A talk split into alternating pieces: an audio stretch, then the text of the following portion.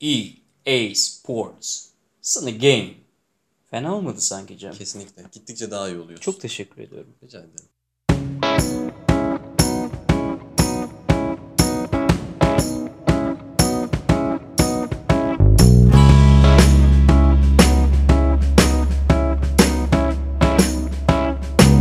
Merhabalar.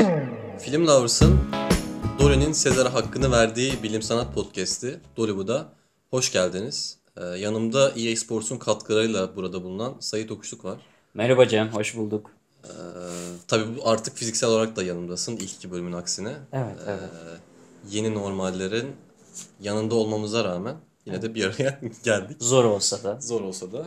Ee, bu bölümde Maymunlar Cehennemi'ni konuşacağız. Ee, ya aslında odağımıza son 3 filmi alacağız. 2011'de başlayıp 2014'te devam eden ve 2017'de biten üçlemeyi e, odağımıza alacağız. Fakat aslında Maymunlar Cehennemi'nin e, başlangıç noktası 1963 yapımı, e, pardon 1963'te 1963. de yayınlanan e, Pierre Boulez'ün Doğrudur. ben Fransızca konusunda e, biraz özürlü olduğum için sana bakarak Pierre Boulle deyip böyle gözlerinin içine bakıyorum. Senden onay bekliyorum. E, Pierre Boulez'ün 1963 olması gerek sanırım. E, evet. Sayfada üstlere çıkıyor. Aynen öyle. Zaman ka- e, yanılmıyorsan e, 1963 e, yılında yayınlanan e, bir romanından e, uyarlanıyor sinemaya ve 1968'den başlayıp uzayıp giden bir beşleme olarak devam ediyor. Daha sonra da 2001 yılında Tim Burton'ın bir remake'i var ki onu Tim Burton'ın kendisi bile muhtemelen hatırlamak istemez. Evet. Yani, Kabullenmiyor zaten. Evet. e, yeni yeni artık e, bu gerçekle yüzleşmeye başladığını duydum. Bilemiyorum tabii. E, yani 1963'de yayınlanan hem kitapta da daha sonra 1968'de başlayan e, Hollywood uyarlamasında da e, insanların uzay yolculuğu sonrasında bir gezegene düştüğünü ve burada e, konuşabilen e, yani daha doğrusu insanların gösterdiği çoğu fonksiyonu yerine getiren maymunları olduğu yeni bir gezegende geçiyor olaylar aslında. Daha sonra tabii çok farklı yerlere gidiyor. 5 filmden bahsettiğimiz için. Öyle bir se- seri ve e, tabii ki bilim kurgu tarihinde çok çok önemi olan bir seri. Ama biz odağımızı aslında son 3 filme e, alacağız. 2011'de başlayıp 2014'te devam eden ve 2017'de Evet. sona eren. E, bu aslında bu son üçlemede diğer e, filme ya da kitaba oranla bir farklılık var ki olaylar günümüzde geçiyor ve daha büyük fark bu olayların başlangıç noktası bir biyolojik e, mevhuma dayandırılıyor. E, Babasını Alzheimer'dan kurtarmak isteyen Aynen. bir James Franco görüyoruz. Aynen bir bilim insanı görüyoruz. Ve bu bilim insanı e, bu Alzheimer'a karşısında geliştirmek istediği ilacı maymunları kullanarak yapmaya çalışıyor. Ve bunun sonucunda e, bazı e, şeylere neden olup e, olayların... Evet o şeyler dünyayı kasıp kavuran Evet, şeyler evet, aslında. olayların ilerlemesine neden oluyor. Yani basitçe özetlemek gerekirse James Franco'nun çalıştığı ilacı maymunlara veriyorlar ve maymunlar e, gitgide Bilişsel yeteneklerini bilişsel geliştiriyorlar yeteneklerini değil evet, mi? geliştirdiklerini görüyoruz. Ve bunu aslında gen terapisi olarak olarak bilinen bir yöntemle yapıyor ki gen terapisi biyolojide uzun yıllardır bilinen yani ne kadar verimli olduğu tartışılır ama Evet. kullanılan ve e, potansiyelinin yüksek olduğu düşünülen bir yöntem. Ne yapalım? Elimizdeki geni ya yok edelim ya değiştirelim Ee, veya farklı bir hayvandan bir gen alıp o genle yerini değiştirelim ve ona diğer hayvanın özelliklerini katalım gibi çeşitli varyasyonları olan bir terapi yöntemi. Genelde virüsler kullanılıyor. Adenovirüs gibi virüsler Aynen öyle. kullanılıyormuş. Ee, yani virüslerin tercih edilme nedeni istenildiği gibi e, manipüle edilip e, zaten virüslerin orijinal özelliği olan hücrenin içine girip onun genetik materyalini bir şekilde manipüle etmesinden yararlanarak e, Detaylı bilgi için birinci bölümümüzü dinleyin. aynen öyle. Yukarıda muhtemelen bir ok çıkacak zaten. Aşağıdan abone olmayı da unutmayalım. Tabii ki. Beğenmeyi, yorum yapmayı lütfen unutmayın. Ee, yani virüslerin kullanılma nedeni bu. Tabii virüslerden başka metotlar da kullanılabiliyor ama filmde virüslerde böyle sıkı bir ısrarın olduğunu görüyoruz. Yani nasıl oluyor da bir gen terapiyle Alzheimer tedavisi yapılıyor. Yani bu çok ilginç geldi bana. Evet. Sanırım Alzheimer'a odaklanmak çok doğru olacak. Ee, bakmışlar ki beyin hücrelerinde bir APP geni var. Bu gen amiloid beta proteini üretiyor. Bu protein nöronların etrafını gitgide sarıyor. Aynen bir yorgan gibi. Ee, bu yorgan gitgide o nöronları ısıtıyor. Isıtması bir yana diğer nöronlarla bağlantılarını da bozuyor.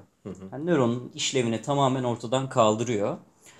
Ee, bizim bu proteini veya bu yorganı o nöronların üzerinden almamız gerekiyor. Ee, şimdi gen terapide benim filmden gördüğüm kadarıyla öyle bir sistem kuruyorlar ki bu sistem bizim beynimizde yeni fonksiyonel beyin hücreleri ortaya çıkartıyor ki bu beyin hücreleri de daha önce hani dejenere olmuş e, artık işlevini yerine getiremeyen nöronların etrafındaki o kılıfı kaldırmaya yönelik. Ama bunun e, bilimsel herhangi bir temeline ben makalelerde ulaşamadım. Nasıl yapacakları hakkında bir fikrim yok. Film de bu açıdan herhangi bir ipucu vermiyor bize. Aynen, biraz kaçınıyorlar. Yani belki e, şeyden dolayı çok işin bilim kısmına çok fazla dalarlarsa belki kurtaramayacaklarını düşündüklerinden. Yani bir Alzheimer hastası olduğunu biliyoruz. e, Bilim insanının babası ama Alzheimer için hangi genin e, tedavi edileceğini ya da e, nasıl olduğunu, hangi virüsün kullanıldığını falan Bunun hakkında Evet, fikrimiz yok. çok girmiyorlar o konuya. Ama yani Alzheimer için gen terapisinin kullanılmaya çalışıldığı çeşitli çalışmalar var. var. Yani başarılı olmayanlar da var, başarılı olanlar var ama hala human trial dediğimiz insan denemeleri hala devam eden türleri var. Ve yani virüslerin kullanılması da virüsler hakikaten yoğun olarak kullanılıyor bu çalışmalarda. Ama onun dışında çok fazla bir yere girmemeye gayret etmişler.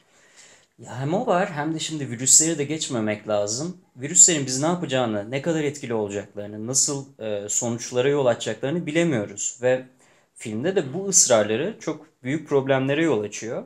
Fakat bir e, anahtar kelimeyi de geçmek istemiyorum. Diyorlar ki biz nörojenesis ile Alzheimer'ı tedavi edeceğiz. Veya şöyle bir ifade kullanıyor James Franco. Biz dejenere olmuş nöronları bir şekilde kurtaracağız ki bunun ismine nörojenesis denir diyor. Burada biz biraz kafa karışıklığı yaşadık çünkü nörojenesis bir nöronun sıfırdan doğması anlamına gelir. Ee, ki Inside Out filmi de bunu anlatıyor. Aşağı yukarı ya bizim o nörojenesis mevzularını anlatıyor. Yani baktığım zaman 1993'te nörojenesis'in e, birkaç adımda gerçekleştiğini söylemiş Goodman ve Doe ve işte onların laboratuvarı. Yani nörojenesis biraz önce de bahsettiğimiz gibi bir nöronun sıfırdan doğması yani biz embriyodan bir şekilde büyüyoruz, hücrelerimiz çoğalıyor ve artık bizim nöral tüpümüz oluşuyor. O tübün içerisinde çeşitli yöntemler ve en son nöronlarımız oluşuyor. Hikaye ise şöyle gerçekleşiyor. Ee, bu oluşan nöronların aksonları yani onların işte kasa ulaştıkları, kastan iletişim aldıkları yollar gitgide büyüyorlar. Ee, bu yollar e, birbirleriyle birleşerek hani aynen otoyollar gibi düşünebiliriz. Ee, İşte dört yol kuruyorlar ki bu dört yollara sinaptik bağlantılar deniyor ve bu sinaptik bağlantılar çeşitli nöron besleyici faktörlere tutunuyorlar.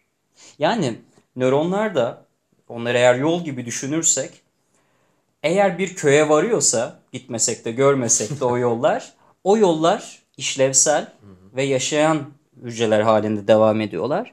Peki e, bu köyler veya işte o nöronları besleyen trafik faktörler ortadan kalkarsa aynen Down sendromu ve Alzheimer hastalığında görüldüğü gibi e, işte o zaman bu nöronlar ölmeye başlıyor.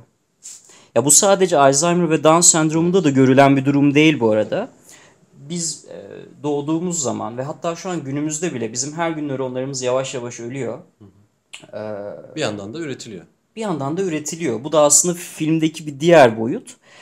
E, ya şimdi toplayacak olursak bu trafik faktörleri yani nöronları besleyen faktörleri biz bir şekilde elde edersek Alzheimer'la birlikte bozulan nöronlar ortadan kalkacak ve bilişsel özelliklerimizi tekrar kazanacağız. Yani, yani- nörojenesis, Alzheimer ve işte bu gen terapi arasındaki üçgen bu şekilde kurulmuş filmde. Yani şeylerde de böyle şu an yapılan bilimsel çalışmalarda da Yani söylediğin gibi maksat tamamen bu. Yani ve şeyde de filmde de buna benzer bir çalışmanın yapıldığını görüyoruz.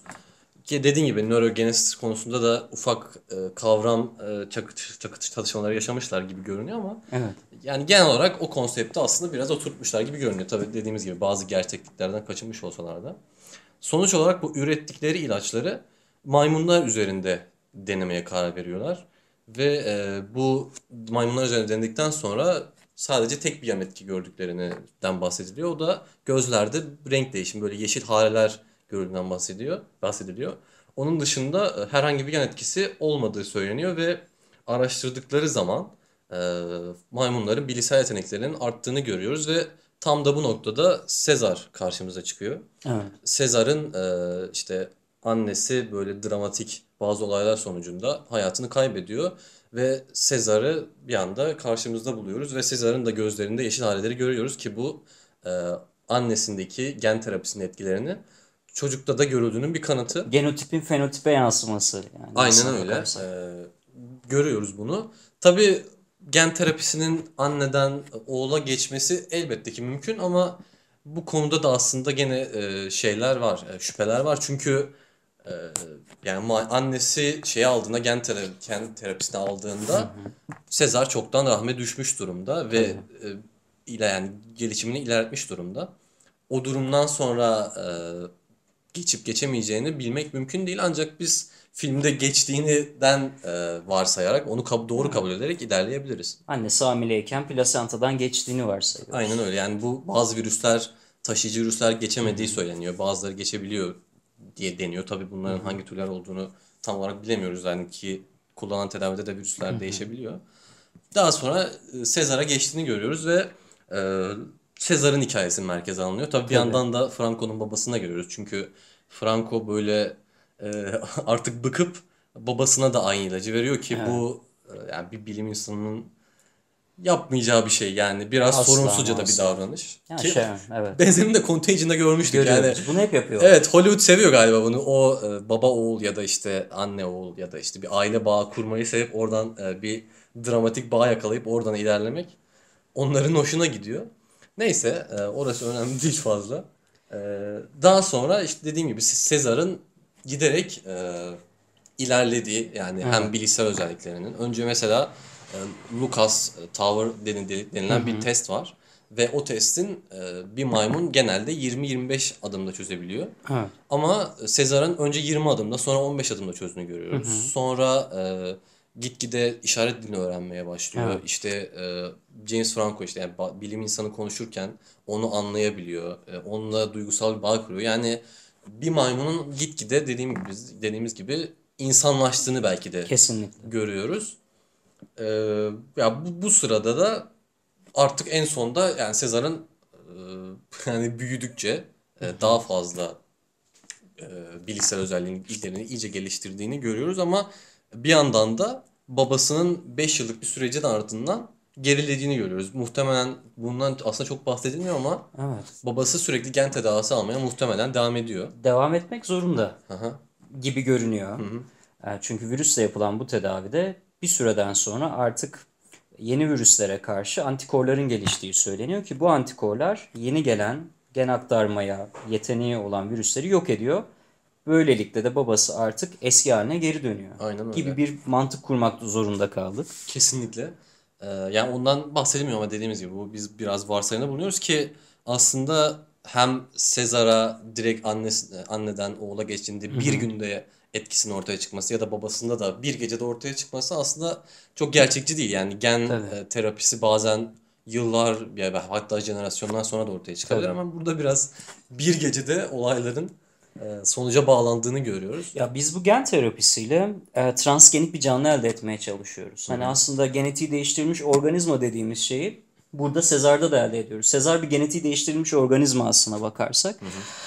E, ya baktığımızda bu çalışmalar 1980'lere dayanıyor ve Nature'da yayınlanmış hani Palmiter ve ekibinin e, çalışmasında görüyoruz ki yani bir gen e, işte growth hormon dediğimiz gelişim hormonunu nun genini bir fareye aktarıyorlar ve bu fare normal farelerden iki kat büyük oluyor. Yine aynı teknolojiyle biz e, hiç yorulmayan fareler elde ediyoruz veya çok meşhurdur işte keçi sütünden ipek elde edebiliyoruz. Hep böyle bir gen aktarıyoruz. Bir gen aktarımı var.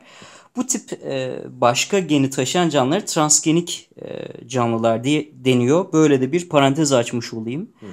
Ya aslında şeylerde de Alzheimer tedavisinde genelde transgenik e, canlıları kullanmayı tercih ediyor ama gen terapisi de işte 90'lardan sonra bahsettiğim gibi yükseldikçe o da kullanılmaya başlıyor. O da ilginçtir ki şey sen e, fare deyince aklıma geldi. Genelde aslında bu deneyler e, yani bu bahsettiğimiz gen terapisiyle e, Alzheimer üzerindeki denemeler genelde fare üzerinde Fare yapılıyor üzerinde ve bu farelerde Alzheimer oluyor ki e, yani Alzheimer'lı bir canlı üzerindeki gördüğümüz etkileri daha sonra insan üzerinde yorumlayabilelim diye. E tabii ki. Ama filmde yani direkt sağlıklı maymunlar üzerinde uygulandığını ve maymunların dediğimiz gibi işte beyin özelliklerinin, bilgisayar özelliklerinin arttığını görüyoruz. Yani bu da bir gene e, konulması gereken bir soru işareti belki de.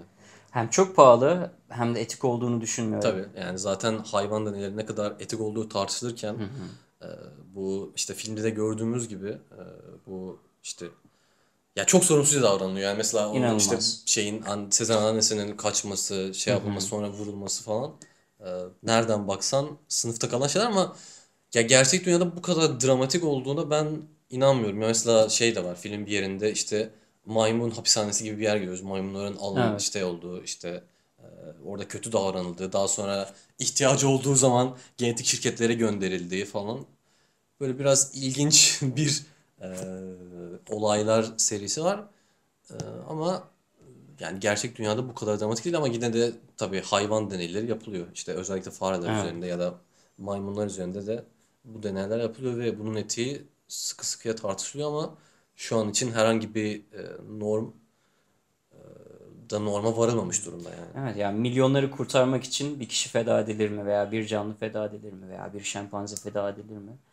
Veya o da mı feda edilemez? Evet. İki farklı ucu var yani bu işin. Aynen öyle ve yani bu tartışmalar uzun bir süre muhtemelen devam edecek. Yani belki e, teknolojinin inanılmaz ilerlediği ve bunu denemek için hayvanları e, kullanmamamız ya kullanmamızı gerektirmeyecek bir dönem gelecek belki ama e, şimdilik yok. Yani şimdilik öyle bir e, yere ulaşmamız zor görünüyor. Yani benim e, anlayamadığım birkaç nokta var. Mesela nasıl oluyor da Sezar bilişsel yetenekleri yani işte beyinsel yetenekleri arttıktan sonra daha dik durmaya başlıyor. Evet.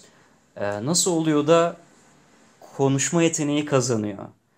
Yani ben buraları çok anlayamıyorum. Hı hı. Evet gitgide yani e, film ilk filmde bahsettiğimiz gibi e, gitgide Lucas tavırı çözdüğünü görüyoruz sonra işaret dili öğreniyor. Hatta birinci film sonuna galiba konuşuyor. No dediği Evet, tabii bir yer ki, var. tabii ki. Daha sonra ikinci filmde mesela cümle kurmaya başlıyor. Yani grameri düşük olsa bile cümleler kuruyor. İşte organizasyon yet- yeteneğinin gitgide geliştiğini görüyoruz. Mesela bir askeri birlik yaklaşıyorken onlara e, yani tabiri caizse pusu kuruyorlar. Evet. Ya da üçüncü filmde mesela artık gramerleri de yerine oturttuğunu, hatta işaret diline neredeyse hiç ihtiyacı kalmadığını görüyoruz. Dediğin gibi gitgide dik duran e, bir yapısı var ve e, aslında maymunlarda çok fazla görülmeyen babalık olgusunun da Sezar'da yüksek olduğunu görüyoruz. Çocuğuna bakıyor, çocuğuyla arasındaki bağ çok kuvvetli. Yani bu maymunlarda görülüyor elbette ama çok sık görülen bir şey değil. Bilim tarihinde önemli e, mihenk taşlarıdır aslında bunlar. Hani Tabii. mesela bizim dik durmamızla zeka ne alaka diye düşünebiliriz ama e, biz dik durmaya başladıkça artık e, dişilerin doğum yapması için gereken o alan iyice daralıyor. O alan daralmaya başladıktan sonra sadece prematüre çocuklar hayatta kalmaya başlıyor. Çünkü büyükler çıkamıyor, ölüyorlar, boğuluyorlar veya. O prematüre canlıların da hayata bakışı, e, öğrenme yetenekleri çok daha ham oluyor. Ağaç yaşken eğilir aslında biraz da buradan çıkıyor. E, Maymun yaşken. evet yani erken doğan maymun veya insan ay- ayırt etmiyorum aslına bakarsan. Daha iyi öğrenebilme yeteneklerine sahip ki evrim sürecinde çok önemli bir nokta. Aynen. Yani aslında bahsettiğimiz şeyler bir yandan da insanın evrim süreçleri. Kesinlikle. Yani işte Nardertaller'den gelirken işte gitgide dik durmayı öğrenmemiz, işte daha sonra konuşmayı öğrenmemiz, organizasyon yeteneklerimizin artması, beyin büyüklüğümüzün artması. Bunlar hep e, gitgide biriken tabii, Tabii. bunlar milyon yıllık süreçlerden bahsediyoruz. Bu birkaç günlük ya da yıllık süreçler değil. Konuşmak çok önemli. Tabii. Konuşmak bir medeniyetin temeli. Konuşmak aynı zamanda düşünmenin temeli. Hani dil olmadan düşünemiyoruz. Hani bu konuşma nasıl gerçekleşiyor? Bununla ilgili birkaç çalışma yapmışlar ve FOXP2 denilen bir gen bulmuşlar. Bu genin doğru yerde ekspresyonuyla birlikte bizim ses kutumuzun geliştiğine dair bir hipotez öne sürmüşler. Demişler ki biz bunu neden farelerde denemiyoruz ve farelere bu geni doğru yerde ekspres ettirdikleri zaman gördükleri şey farelerin daha yüksek sesle e, konuşabilmeleri, e, çeşitli dil hareketlerini geliştirmeleri. Yani aslında konuşacaklar neredeyse. Dolayısıyla doğru zamanda e, doğru yerde bir e, dil gelişimi çok önemli. Neandertallerde de var bu arada. Fakat e, insanlara nazaran biraz daha alt bölgede kalmış ses kutusu. Bu nedenle de onlar bizim kadar e, doğru sesler diyeyim veya düzgün sesler çıkaramıyorlarmış. Ya da şu an alışkın olduğumuz sesler diyelim. Evet, Çünkü yani biz şu an anlaşmamızı sözcüklerle, kelimelerle yapıyoruz Kesinlikle. ama yani maymunlar olsun, kuşlar olsun ya da neandertaller olsun onlar aslında sesle anlaşıyor.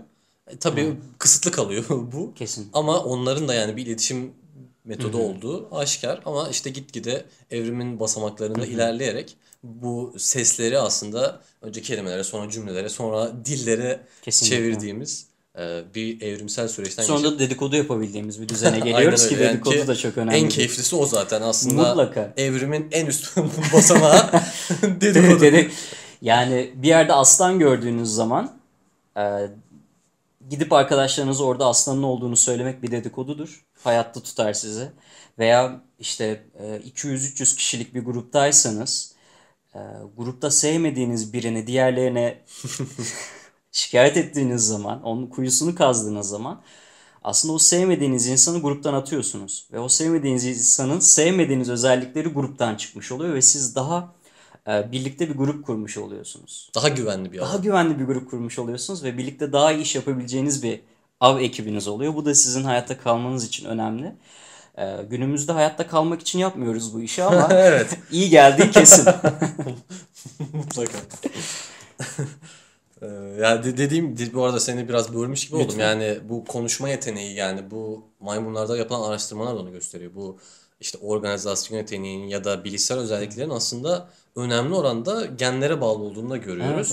Evet, E, Ve yani buradan yola çıkarak yani hakikaten gen tedavisi uygulanan bir maymunun e, gerçekten de bilişsel özellik geliştirip konuşabileceği bir e, durumla hakikaten karşılaşabiliriz. Tabii bunun bahsettiğimiz gibi işte çok uzun süreçler ve ne kadar başarılı olacağı çok tartışmalı ama teorik olarak mümkün. Yani şey demek istiyorsun. Sosyal bir insanın sosyal olmasında onun genetiği önemlidir. Kesinlikle.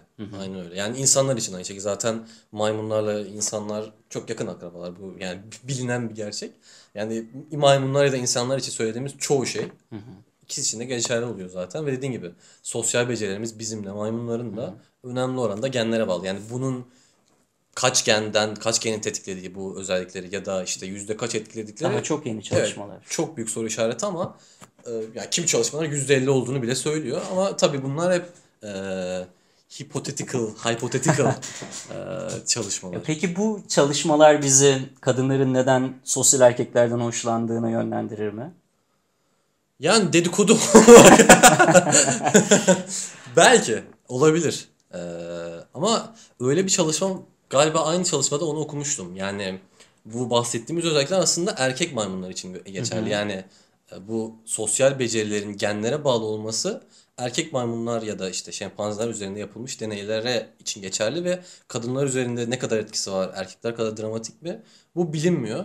Aslında bu da biraz senin noktanı destekler nitelikte. Ya çünkü bakmışlar aslında e, dişi şempanzeler erkeklerde onların işte yakışıklılığını osunu busunu değil de alanlarıyla birlikte oluyorlarmış. Yani ne kadar geniş bir alana hükmederse bir erkek ona düşüyorlarmış baktığın zaman. Zaten hayvanlar aleminde genel olarak da Evet. böyledir. Yani grubun lideri her zaman Bu aslında biraz da sosyallikte. Evet, yanlış yüksek olan. hatırlamıyorsam e, dopamin reseptörü fazla olan bireylerin de çok prestijli işlerde olduğu görülmüş. CEO'ların birçoğunun dopamin reseptörleri fazlaymış. Yani dopamin nedir? Yaptığımız işlerden haz duymamızı sağlayan şeydir. Demek ki bu insanlar yaptıkları işlerden haz duyabiliyorlar. Demek ki genetik temellerimizle sosyal hayatımız gitgide birbirine bağlanmaya başladı. Evet. Yani bilimde ilerledikçe e, bu, bu, bu e, bilim, e, insanların arkasındaki bilimi daha iyi anlıyoruz. Ve e, gitgide de genlerimizin ne kadar önemli olduğunu Kesinlikle. farkına varıyoruz ki Maymunlar Cehenneminde de bu gayet dramatik şekilde görebildiğimiz bir durum. Yani şey de aslında hep bahsediyoruz yani filmlerin hep bir biyolojik tarafından bahsediyoruz. İşte Tabii. burada mesela gen terapisten bol bol bahsettik. Ve işin biraz da yine toplumsal kısım var. Mesela film ilerledikçe yine özellikle bunu ikinci, üçüncü filmden sonra görüyoruz.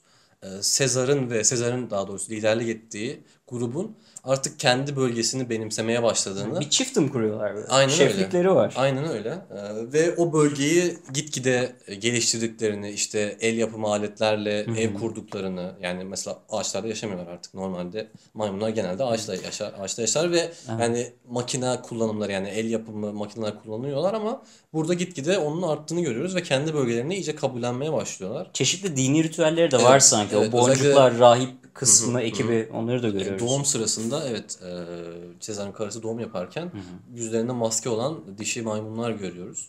Ve yine etrafta da evet kaç tane böyle nazar duası olsun, nazar boncuğu olsun böyle e, ritüeller görüyoruz ve yani bunlar da aslında bahsettiğimiz gibi bir evrim yani evrimsel süreç değil ama evrim yani insanın evrimsel süreci. Tabi burada gen terapisinden bahsettiğim bir tam bir evrim olmuyor. E, yani maymunlar üzerinde ama Korkunun olduğu her yerde dinde vardır. Yani o açıdan Aynen hiç öyle. şaşırmıyorum. Hı hı, aynen öyle ve e, gitgide de işte konuştuğumuz gibi e, insan insanlaştığını görüyoruz bu e, maymun topluluklarının. E, ama şey var, e, o da ilginç bir konu, konuşmuştuk onu. E, bir bonobo var, ismini Koba. Kobo. Aynen, Koba. Koba. Koba, aynen. Koba. Her şeyin başlangıç Ben noktası. yanlışlıkla reklam verdim. Doğru. e, Koba'dan bahsediliyor. Koba bir bonobo. evet. Ve aslında bonobolardan e, farklı şekilde onun epeyce saldırgan olduğunu görüyoruz ve her şeyin başlangıç noktası da aslında onun Çok saçma. başlattığı bir durum ki bonobolar hakkında e, Buram buram saçma canım. evet yani bonobolar hakkında çok fazla e, yazılmış makale olsun, Var. kitap olsun var. Fransa de Waal takip edilmeli mutlaka. Aynen öyle. Sen çok ilgili. yakından takip ediyorsun. Çok, severim. fazla kitaplarını okuduğun gibi. Ve aslında bonobolar üzerinde böyle bir e, gariplik, bir e, nasıl diyesin desem Bir yanlış büyü. yönlendirme Saruman'ın eli var gibi Evet, sanki. yani. olduğunu görüyoruz. Ya çünkü e, şöyle bir sıkıntı var bu Maymunlar Cehennemi filminde. Sana da sormuştum daha önce. Şimdi biz işte 8 milyon veya 7 milyon yıl önceki halimizi hep saldırgan, avcı, katil gibi düşünüyoruz. Ve filmlerde de bu mesajı verecek çeşitli sahneler görüyoruz. Mesela burada Maymunlar Cehennemi hani sen dedin ya insanlığın neredeyse ilk zamanlarını bir şekilde e, karşılıyor. Simüle ediyor gibi Ben simüle ediyor gibi. Ya biz neden geçmişimizi bu kadar vahşi düşünüyoruz? Ben bunu çözemiyorum. Bunu düşünmek sanırım daha kolay geliyor bizlere veya işte yaptığımız kötülüklere belki bir temel oluşturmak için böyle bir yola gidiyoruz. Ama işte çok yakın zamanda bonobo türü keşfedildi ki onlar bizim şempanzelerle birlikte en yakın kuzenlerimiz. Dünyanın en barışçıl topluluğu olarak biliniyorlar. Anaerkil yapıdalar. Kadınlara inanılmaz saygı duyuyorlar ve şöyle düşünüyorlar. Diyorlar ki bir topluluk için biyolojik yapıda en önemli şey çocuklardır. Bu çocukların e, affedersin babaları belli değil.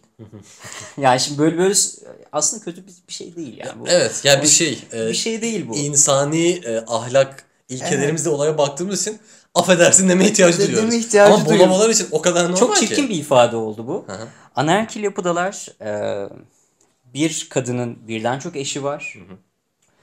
E, ve çocuğun babası belli değil. Hani şimdi eminim bunu duyan birkaç insan böyle şey yapacak. Yani ne oluyor, Ne oluyor ya? falan. Mesela kan çıkar oradan falan ya töre cinayeti. Hayır ya öyle bir sıkıntı yok. Çünkü çocuğun babası belli değilse bonoboların bulunduğu topluluktaki bütün erkekler diyor ki ya bu çocuk benden de olabilir. Diğeri diyor ki benden de olabilir. E o zaman niye birlikte bakmıyoruz? Yani biz, bize ait bir çocuk. Ee, ve hep birlikte o çocuğu sahipleniyorlar. Ve çocuğun sadece annesi belli olduğu için de sürüdeki herkes o kadınlara saygı duyuyor. Ee, Kobo, Koba, Koba. Koba yine reklam verdim. Koba da bu dünyanın en barışçıl olarak nitelendirilen e, türlerinden tür grubunun içerisinde. Ee, ya bu konuyu konuşurken ben her zaman geriliyorum. Çünkü bunların bu kadar barışçıl olmasının en büyük nedenlerinden bir tanesi sorunlarını cinsel ilişkiyle hallediyorlar. Yani şimdi e, çok ilginç. Yani bu Türkiye'deki e, Ya on- ortam beni de bir şekilde Evet, konuşurken geriyor aslına bakarsan. ben sana yardımcı olayım. Ya Lütfen. aslında onların seks davranışı Evet. yani insanlar arasında belki İletişim. bir fıkra anlatmak kadar basit bir şey yani. Kesinlikle. Yani çoğu biz hakikaten dediğim gibi ahlaki kendi ahlaki şeylerimizi düşündüğümüz için kurallarımız da çok anormal geliyor ama bizim için yani gülmek kadar, konuşmak kadar, basit bir small talk dediğimiz şey kadar basit bir şey. Onlar bu ilet onlar için iletişim yolu seks yani. Tabii. Bu bir mutluluktur. Yani baktığın zaman ve onlar da herhangi bir problemle, herhangi bir tensionla, gerilimle karşılaştıkları zaman erkek erkek hiç fark etmiyor. Ee, dişiler arasında hiç fark etmiyor. Kadın erkek arasında da fark etmiyor. Hemen böyle mutlu olmak için böyle bir yol izliyorlar. Aklıma şey geliyor, John Lennon geliyor. Hani dünya barışı için e, sevgilisi olması lazım. Sevgilisiyle birlikte bir hafta boyunca yatağa girmişti. Bonobo'lar da öyle aslına bakarsak. E, yani filmdeki Koba'yla hiç benzer davranışı. Koba biraz ortalığı karıştırıyor. İşte Evet, liderlik düşünüyor. bir Epey şeyler- karıştırıyor yani. Birincisi senin bulunduğun sürüde sen lider olamazsın. Bunu bir belirleyelim. Yani senin geldiğin coğrafya buna müsait değil. Ha, ne diyoruz her zaman? Coğrafya kaderdir. Neydi? İbn Hal- Haldun'un sözü müydü? Valla ben kullanıcıyım. Evet yani bu Bonobo konusunu kapattıktan sonra artık yolumuza devam edelim. evet. Bonobo deyince akla neyse tamam. Gelir. Girmiyor. Ee, o şekilde aslında e, sonu bitmeyen savaşların başlangıç nedeni garip şekilde bir bonobo e, olduğunu görüyoruz. Ve daha sonra e, aslında şey de garip. Bunu ilk bölümde de yine konuşmuştuk. İlk bölümün reklamını bolca yapmak istiyorum. Bir simian gribi ortaya çıkıyor. Bu işte e, gen terapisinin ikinci aşamasında yine virüsün kullanıldığı ama daha agresif bir virüsün kullanıldığını görüyoruz ve bu virüs e, simian gribi adı verilen bir şey e, bir hastalığa neden salgına neden olup bayağı 5 ya da 8 milyon insanın ölümüne neden oluyor Evet. ve dünyada çok az sayıda insan kalıyor ve e, daha sonra işte e, Koba'nın da katkılarıyla bir maymun insan savaşının başladığını görüyoruz ve e, yani bu savaş da aslında biraz da yine böyle insanlık tarihinden belki kesitler sunuyor. Ne vardı? Güney Amerika'nın e, ilk işgal işgal işgali sırasında böyle işte tanrılar olarak gördükleri bir şef. E, bu şefi tabii Avrupa'dan gelenler ele geçiriyorlar, tutsak ediyorlar, ona çeşitli işkencelerde bulunuyorlar ve o Güney Amerika topluluğu tamamen böyle mahvolmuş bir halde dağılıyor. İşte böyle e, mahvoluyorlar. Hani nasıl oluyor da bizim tanrımız bu hallere düşebilir gibi. Burada da aynı problemi görüyoruz. Sezar ortadan e, çekilince, ölünce e, yönlendirilmeye çok açık bir hayvan topluluğu görüyoruz. Aslında bu da şefliklerin en büyük problemlerinden bir tanesidir. Evet. Totaliter Totaliter rejimlerde böyle bu tarz şeyler olur. tutamadım kendimi. Sezar bu konuda ileriyi göremedi maalesef. Evet. Yani Sezar, bir demokrasi anlayışı olsun. bir oy verelim. Bu tarz şeyler olmadı yani. Demek ki yeteri kadar beyni gelişmemiş. Ee, Gerçi halk da bunu talep etmedi. Evet halk da çok bağlı derinden. Halk da karizmatik bir lidere ihtiyaç duydu yani baktığımız zaman. Evet. Sezar'ın da ağzı iyi laf yapar aslında. E, Tabii tabii. Yani diğer tüm maymunlara daha çok konuşuyor. Deyim yerindeyse. Ee, maymunları konuştuk. Maymunları tartıştık. ee, ya gene çok keyifli bir muhabbet oldu. Evet benim için de öyle oldu. Ee, Biraz otosansürümüz de vardı sanki. Evet böyle bir çekindiğimiz anlar. Ee, Aman Retük gelir mi diye düşündüğümüz dakikalar olmadı değil. Ama yine de bence söylemek istediklerimizi büyük oranda söyledik diye düşünüyorum. Kesinlikle öyle Cem. Teşekkür ediyorum. Benim için de mükemmel bir sohbet oldu. Otosansürsüz bir programda tekrar görüşürüz.